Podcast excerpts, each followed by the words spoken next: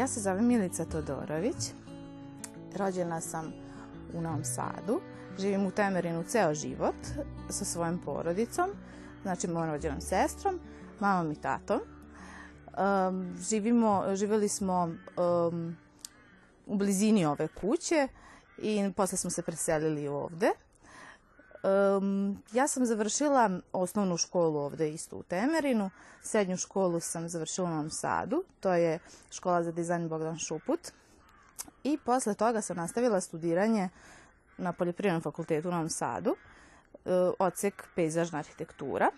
I tu sam četiri godine studirala i uživala. Prvo sam bila, upisala voćarstvo i vinogradarstvo, zato što je bila mnogo velika konkurencija na tom smeru koji sam ja želela i eto, sticam okolnosti nisam mogla ovaj, da upišem baš te godine, ali dobro, pozirala sam jednu godinu i nastavila i to je bilo ono što sam želela. I tu sam se skroz pronašla i, i ovaj, završila u roku. Nakon studija sam malo sačekala i onda sam se udala. onda sam se udala za mog sadašnjeg supruga i počeli smo da živimo tu isto u Temerinu, nismo išli dalje odavde.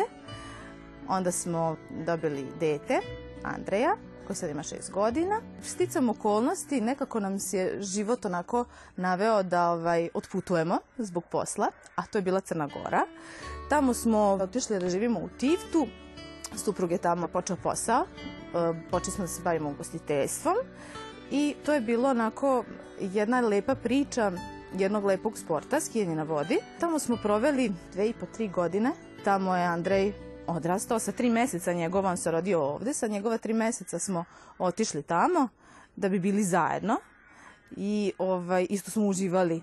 Onako, to je bilo onako nešto novo za nas i nismo, nismo očekivali da će nikako, nismo, nismo znali ni kako će teći, ni kako će funkcionisati, ali eto, krenuli smo, ovaj, imali smo znanje, moj suprug je i ovde radio ovaj, u tom poslu, ali okušali smo tamo sreću.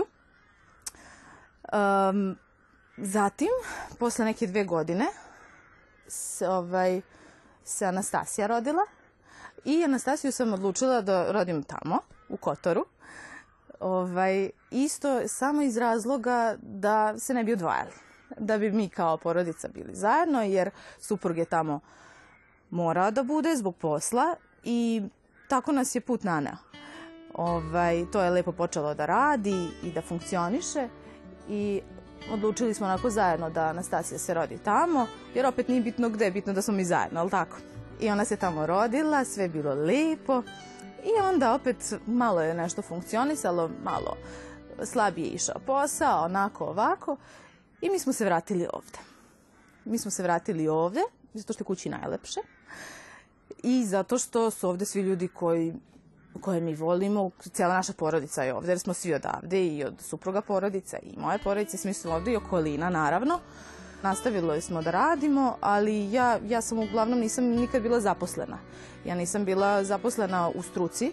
Ja sam se odmah posle fakulteta ovaj, udala i nisam se zapošljavala, ali sam ja dugo u toku studija radila, volontirala sam u pokretu Gorana Vojvodine, e, jer sam tamo našla baš sve što mi onako treba tada. Posle, kada sam završila fakultet, onda su me oni primili, primili na onaj program uh, stručne prakse, odnosno prve šanse što je bilo.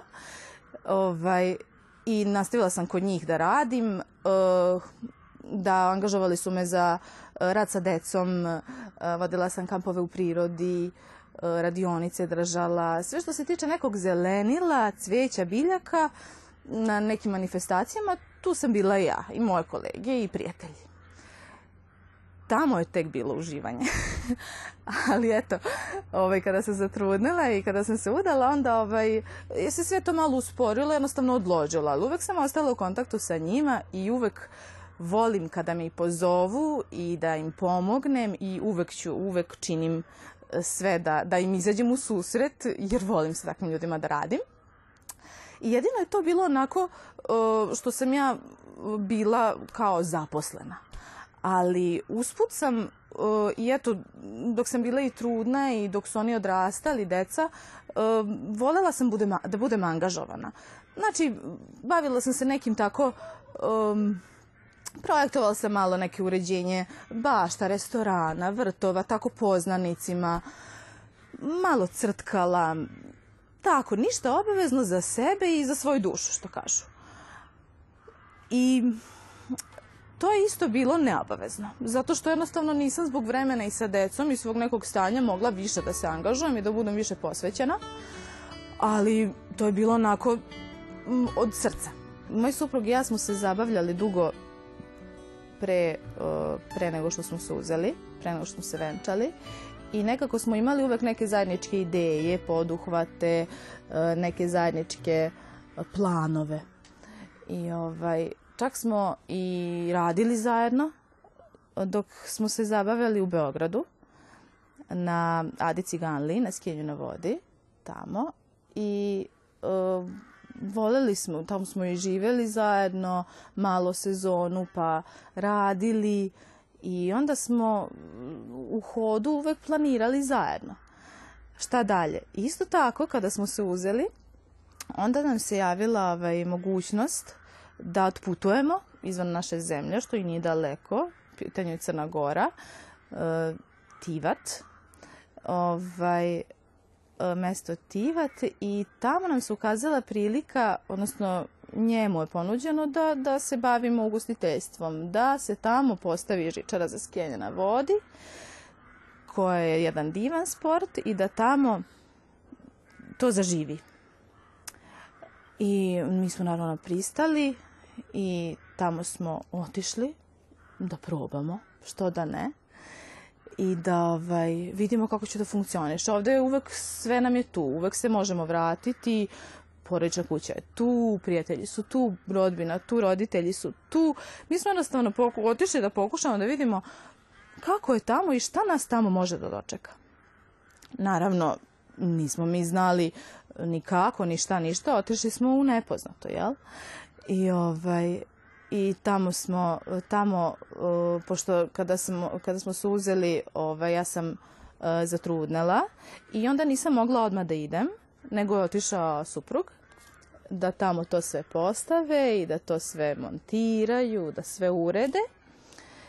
I onda kada se rodi beba da ja dođem tamo. Da, i to je bio tek šok kako sada otići sa tako malom bebom, kako se tako upustiti u tu avanturu, ali ne, ne, bitno je da smo zajedno, ni jednom trenutku nisam se dvomila, samo sam jedva čekala da krenem više kod njega. Iako sam i prvi put postala mama i, i malo dete i sve to, ali Bogu hvala, zdravi smo i dobro smo i sve smo mogli. I, ovaj, I onda sam ja otišla kad je Andrej se rodio i napunio je tri meseca. sam sa kumovima otišla tamo, odvezli su me i, ovaj, i tamo je bilo svečano otvaranje te žičare za skiljene vodi, bili su medi, bilo je predivno, leto počinje, onako neki kao novi život. I, ovaj, i funkcionisalo je to dosta onako nekad lošije, nekad bolje. Mislim, nijednom poslu nije sjajno, nijedan posao nije savršen, puno odricanja treba. Mislim, samo to što smo otišli odavde od svojih mislim, malo li je.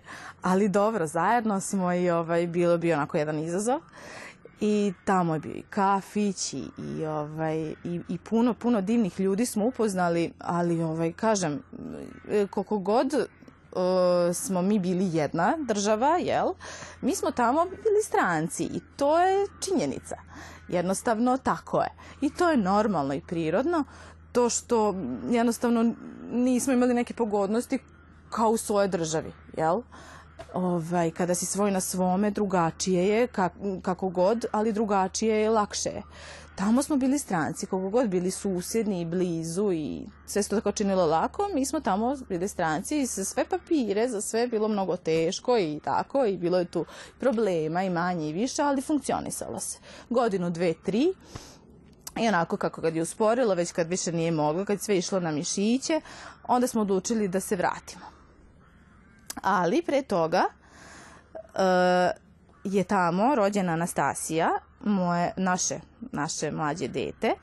Ovaj, I ona je rođena tamo zato što je tako, bilo, tako je bila mogućnost tada, jer je posao u to vreme tada cvetao i sve bilo u redu. Jednostavno moj dolazak ovamo bi nekako sve iskomplikovao. I opet bi bili daleko i opet bi ja čekala da da suprug dođe, da bi bili zajedno, pa bi iščekivala, pa bi se jedila. Ne, mi smo zajedno odlučili da mi ovaj, tamo vodimo trudnoću i da mi tamo, ovaj, da ja tamo rodim bebu i stvarno je sve, Bogu hvala, prošlo kako treba i rodila se Anastasija, zdravo malo dete, koje je tamo onako provelo godinicu jednog svog života i onda smo se mi odlučili vratiti. Kada su deca malo porasla, onda sam ja baš već htela da počnem da radim. Ja sam baš već htela da se angažujem i htela da se budem uh, uposlena, da, da ovaj, kako sam ja tad govorila, da hoću da budem od koristi. I onda su me svi gradili kad ja to kažem, hoću da budem od koristi, zato što, zato što sam ovaj, sve vreme uživala sa decom i ja nisam imala taj osjećaj da ja sad nešto kao radim. Ali odgajam decu. I to su me svi uvek gradili Zašto je to tako? Pa zato što meni to uživanje. Koliko god oni bili ili nestašni ili ne, ili tu problemi kako samo deca mogu da stvore, to je uživanje. I ja to nisam tela menjala ni za šta na svetu. Stvarno. I onda kada su već malo porasli, ja sam, meni se javila želja da radim.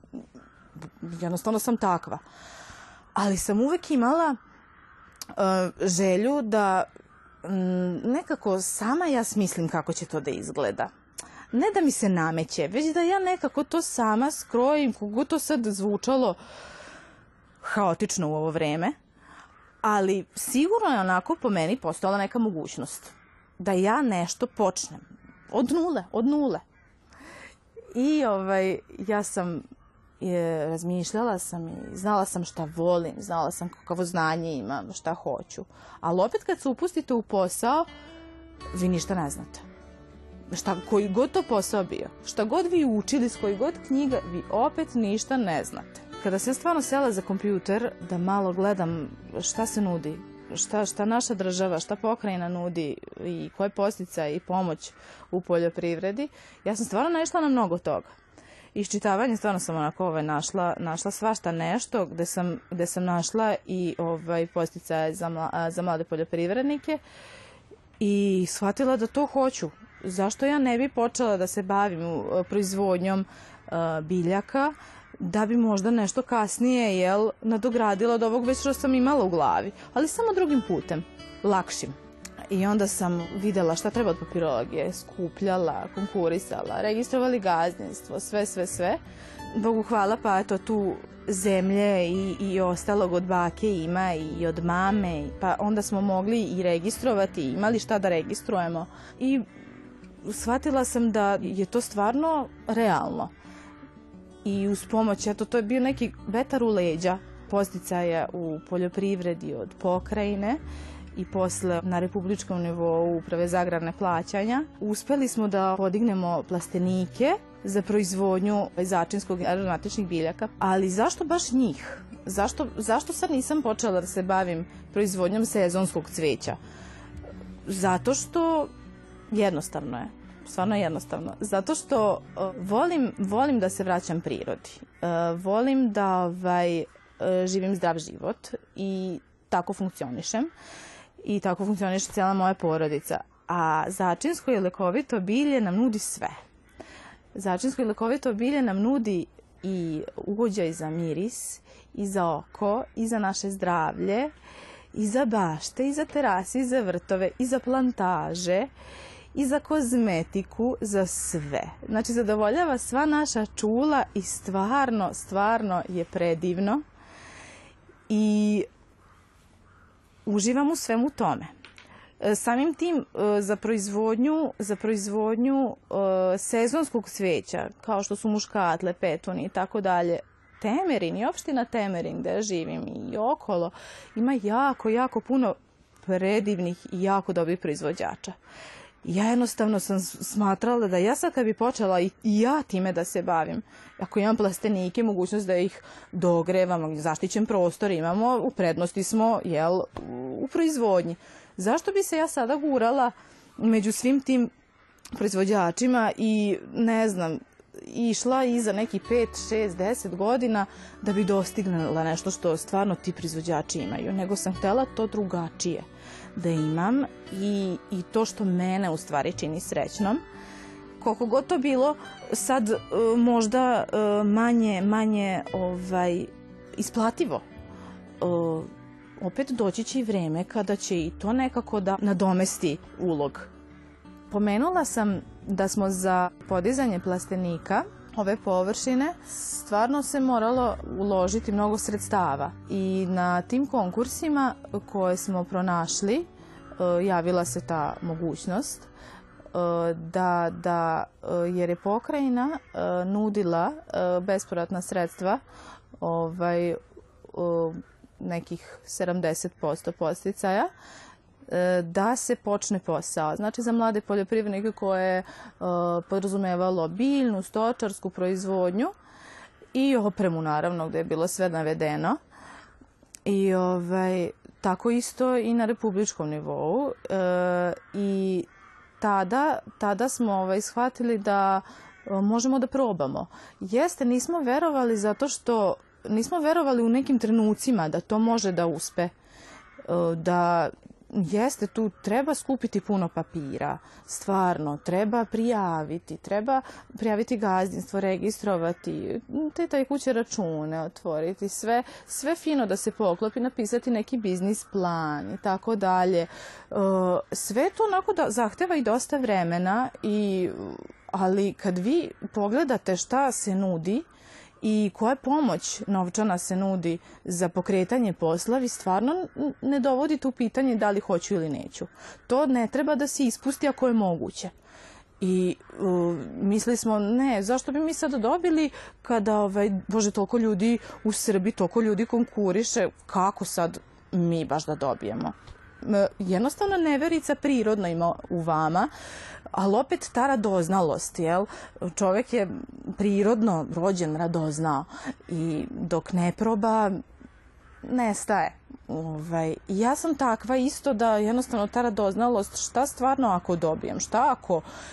I jednostavno moram da probam ništa ne gubim, sem eto vremena, malo odricanja oko te papirologije, stvarno ništa jer su posticaji bili odlični, jer posticaji za mladi, mlade su nudili, uh, znači nisam morala da obezbeđujem svoje sredstva odmah da bih podigla plastenik, već nakon uh, investicije i nakon odobravanja konkursa ja sam onda ovaj, mogla da priložim sve, sve, sve predračune i sve tako dalje, jer, sam, jer se taj novac koji je pokrajina ili država već obezbedila, uh, dobijao se na račun pre počinjanja ikakvih radova i ikakve ovaj, radova investiciji, što je meni i svima koji su konkurisali na tim nivoima bilo stvarno postrek, jer uh, nije se bilo potrebno zaduživati prethodno da bi posle dobio možda nešto nazad. Možda, Ovo je bilo onako stvarno, stvarno vetar u leđa, jer bez, bez išta, samo na osnovu predračuna sa određenim firmama s kojima su sklopljeni ugovori, uh, se moglo nastupiti sa, ovaj, sa projektom, odnosno sa uh, posticajima, sa, sa uopšte prijavom i apliciranjem za posticaje. I to je stvarno, stvarno kada sam to pročitala, onda sam rekla ne, moramo probati. I stvarno smo sve priložili i, i šta treba. I e, dugo se i čekalo na rezultate. Dugo se i čekalo, ja sam na primjer, uh, uh, kada se jedan plastenik dizao, ovaj, 2017. godine sam konkurisala, a par meseci se čekalo i onda uoči Svetog Nikole sam dobila obaveštenje da su odobreni posticaji i da u roku od tri meseca, kako u stvari u projektu, treba da budu završeni radovi i sve tako.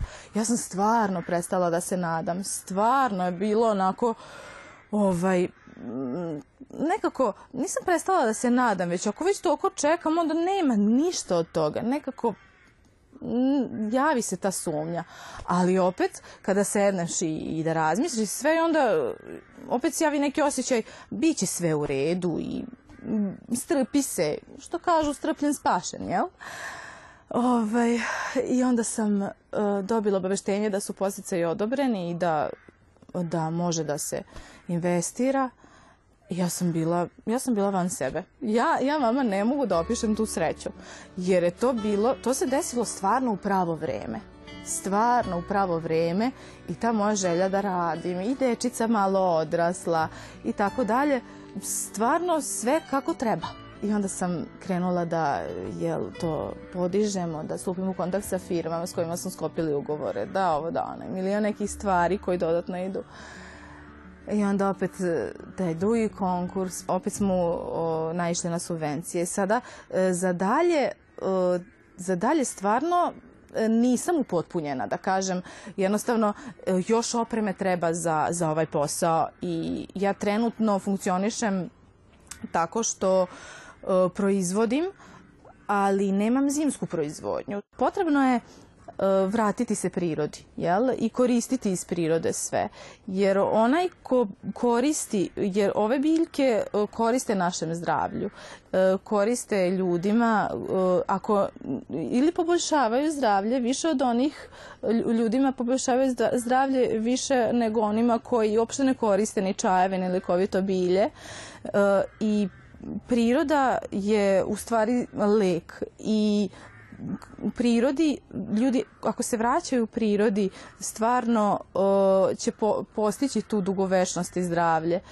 Ali opet danas se mnogo ljudi uh, bavi, mnogo fabrika ima koje se bave sušenjem i pravljenjem biljaka i pravljenjem eteričnih ulja i mnogo fabrika se otvara takvih, samo što je problem što E, se malo, malo ulaže u edukaciju ljudi oko lekovitih biljaka.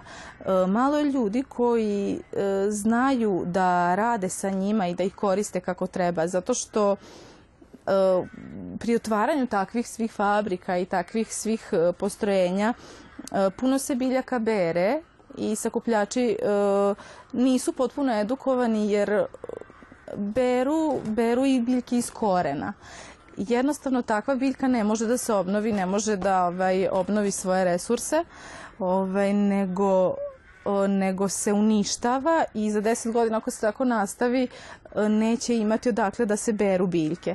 Tako da ovaj, treba, treba znati kako sa biljkama. Stvarno od začinskih biljaka se koriste i nadzemni deo, koriste se i koren i list i, cvet, ali ne uvek sve. Uvek treba ostaviti E, deo 20-30% da bi se ono obnovilo, da bi e, služilo budućim generacijama i, i, i služilo svima i svačim zdravlju.